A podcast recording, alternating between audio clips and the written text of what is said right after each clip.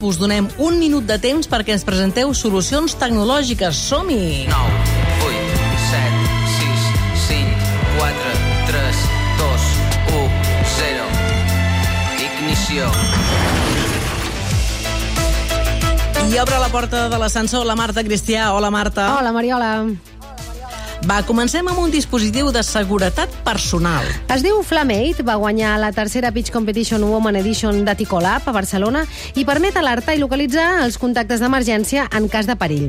Ens ha explicat com funciona Julieta Ruef, CEO i fundadora de l'empresa. Flamite és un dispositiu de protecció passiva amb un mecanisme d'activació senzill però eficaç.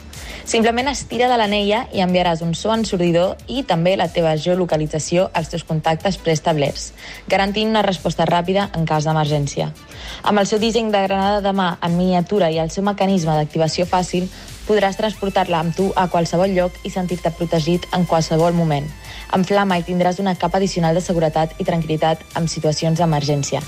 És totalment legal i només treballem amb tecnologia homologada. A més a més, ho activem amb el moviment del teu cos, el que significa que no hauràs de preocupar-te per pressionar accidentalment un botó o perdre temps buscant el teu telèfon en situacions d'emergència. Actualment estem a la nostra primera ronda d'inversió de 150.000 euros a destinada de la següent manera.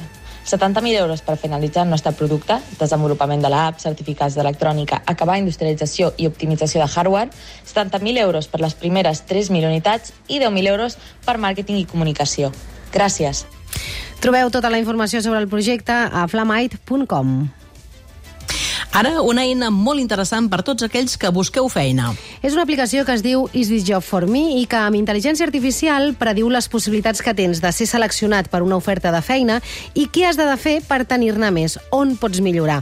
Per entendre com funciona, sentim Jordi Damià, CEO de Satesca, l'empresa que l'ha desenvolupat. Is This Job For Me, com el seu propi nom indica, és una aplicació per tal d'ajudar a qualsevol candidat de qualsevol lloc del món a augmentar les seves probabilitats de ser escollit per una oferta de feina determinada. El que fa l'aplicació és, en primer lloc, a partir d'un conjunt de preguntes que tenim definides per cada tipologia de perfil, i ara tenim uns 50 perfils creats i els anem creant més constantment, a partir d'aquest conjunt de preguntes, el candidat compara el seu currículum respecte a una oferta determinada, no una posició, sinó una oferta inclús determinada, i l'aplicació li diu quina és la probabilitat de ser escollit i, sobretot, a partir d'aquesta probabilitat, quines són les accions que s'han de dur a terme per tal de millorar aquest perfil per ser considerat un millor candidat i, per tant, augmentar la seva probabilitat de ser escollit. Trobo falta que passin coses bones Obre els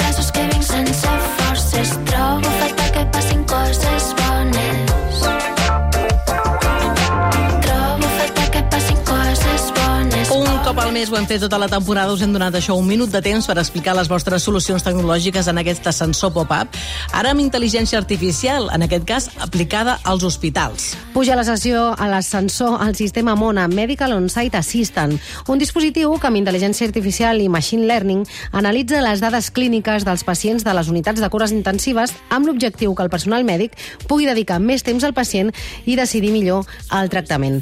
N'hem parlat amb Teo Sardà, CEO de Bihit, l'empresa que l'ha creat. Moltíssimes gràcies a Catalunya Ràdio per ajudar-nos a parlar sobre la nostra tecnologia Mona. Mona és una tecnologia que bàsicament porta intel·ligència artificial en, el, en les llits d'UCIs. O sigui, consta d'uns dispositius que s'instal·len a cada peu d'UCI, dotats de xips d'intel·ligència d'última generació, que permeten recollir totes les dades a temps real de, que genera la UCI, tractar-les i ajudar a l'intensivista que es pugui centrar en les dades que realment són més rellevants per prendre decisions.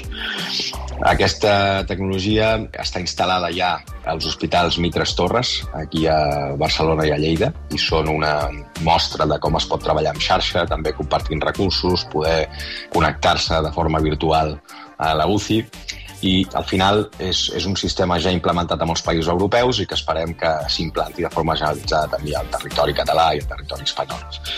Moltíssimes gràcies. No ho puc evitar, hi ha una força que m'empenya a viure els dies com si fossin notes musicals, va més enllà de tot el que m'envolta. A mi només m'importa submergir-me en el piano negre i blanc. És com amant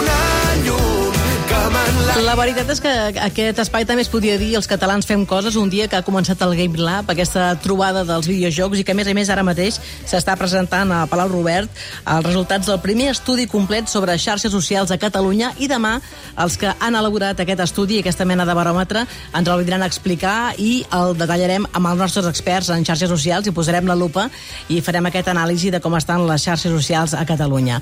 A l'ascensor pop-up avui també acabem eh, aquest ascensor pop-up i aquest espai amb una empresa de jocs i tecnologia, Marta. Es diuen Gaudire, els vam conèixer a l'App Berguedà amb un escape room exterior, ho recordaràs, i de cares a, la, a les activitats d'estiu han creat nous continguts i jocs. Ui, això m'interessa. Per tant, connectem amb el Martí Ferrer, coordinador de Gaudire. Hola, Martí, com estàs? Hola, bones. Hola, acabeu d'estrenar un joc nou que barreja tecnologia, realitat augmentada i exterior. En què consisteix exactament, Martí? Sí, doncs mira, nosaltres eh, ens diem Gaudire, que m'heu dit, i nosaltres el nostre projecte és fer jocs participatius en tecnologia per a ajuntaments, a escoles, a empreses i també en, en format team building. L'objectiu que tenim és utilitzar la tecnologia com a eina participativa, és a dir, per poder crear jocs lúdics que aportin més valor que els tradicionals i també volem que siguin transformadors, intentant transmetre doncs, valors educatius. Per exemple, el joc nou el que transmet és consciència climàtica, generem un dilema de consciència climàtica. Uh, nosaltres, el, el joc que proposem aquest any l'hem estrenat a, a l'abril i consisteix en fer un escape room al carrer, que és uh, evitar el llançament d'un coet en 60 minuts. El que fem és muntem diferents plafons repartits per les passes d'un poble, per exemple, i um, donem una tablet amb un altaveu a cada grup. Llavors, el, això és molt xulo perquè s'ha d'interactuar entre la tablet que va amb un altaveu i els plafons. Um, L'altaveu, diguéssim que uh, és, una, és una història que és musicalitzada, que és amb àudios. Té un punt de- d'espectacle, de, guió teatral, tenim una part tècnica a l'equip en què és, uh, uh, que és uh, un, equip, un equip de músic, i uh, llavors també la, uh, afegim tecnologia uh, amb una prova on hi ha uns botons i unes manetes que tots els membres de l'equip han de fer una seqüència per treure la, la prova. Uh, I a més a més, també a la tablet hi apareix... No, és que recordo precisament que, que quedava molta, molta intensitat quan es veia, com que estava tot molt ben fet, amb una veu, amb una música, creava molta tensió, i us heu d'imaginar els nanos tots allà mirant què diu la, la tauleta, no? Ens anaves a explicar quin és el, què hi ha de realitat augmentada en això. Vale, sí, és que us sento una mica tard, però sí, realitat augmentada. Doncs uh, en una de les proves, diguéssim que, uh, com que és evitar el llançament d'un coet, um, la, apareix realitat augmentada en una de les proves que a la tablet apareix un objecte de forma virtual i que s'ha d'interactuar uh, a través de fent el joc i, els, i resolent els enigmes i els reptes i que, que apareixen en realitat augmentada a la tablet. Per tant, busquem un objectiu de tecnologia participativa. D'acord, escolta, un dels grans que és de la vostra proposta és que personalitzeu molt les activitats segons el lloc on el munteu, no? Com ho feu? Sí, doncs el que nosaltres busquem és una personalització en el que uh, puguem entrar al màxim i, i ser el màxim de sensibles amb el municipi amb el que treballem. I, per tant, doncs, intentem entrar doncs, a, a contingut a nivell cultural o a nivell de patrimoni, a nivell de personatges, i això ens vehicula molt també en, en tenir i oferir propostes, per exemple, d'un escape room al carrer en una fira tematitzada de qualsevol temàtica, per exemple, de bandolers, de l'oli, etc, i que es pugui vehicular amb el, amb, amb, el, amb el contingut del propi poble i a la vegada també doncs, amb coses més culturals com a nivell de patrimoni cultural, artístic, etc. Mm, doncs mireu, avui aquest exemple a l'ascensor del Martí Ferrer i Gaudire, que és un exemple de fer servir per un bé comú i, i fàcil les tauletes i els dispositius. Clar, estem, últimament, estem sentint molts discursos en contra la digitalització a les escoles. Vosaltres, però, veieu com gràcies a les tauletes eh, eh, doncs aconseguiu més atenció, no? Sí, aconseguim més atenció perquè dones un valor afegit al que seria un joc de pistes tradicional. No? Nosaltres venim de, del món del lleure, que volem uh, fer una transformació a través del joc, i la tecnologia que ens dona és una eina molt potent per poder vehicular totes aquestes activitats. I, i acaba sent com que tens moltes més possibilitats de poder fer coses, no? Doncs pots jugar amb, amb QRs, dit, pots jugar amb els àudios, pots jugar amb, amb la realitat augmentada, uh, té infinites possibilitats. D'acord, doncs escolta, moltíssimes gràcies, Martí. Una abraçada. Vale, gràcies. A reveure.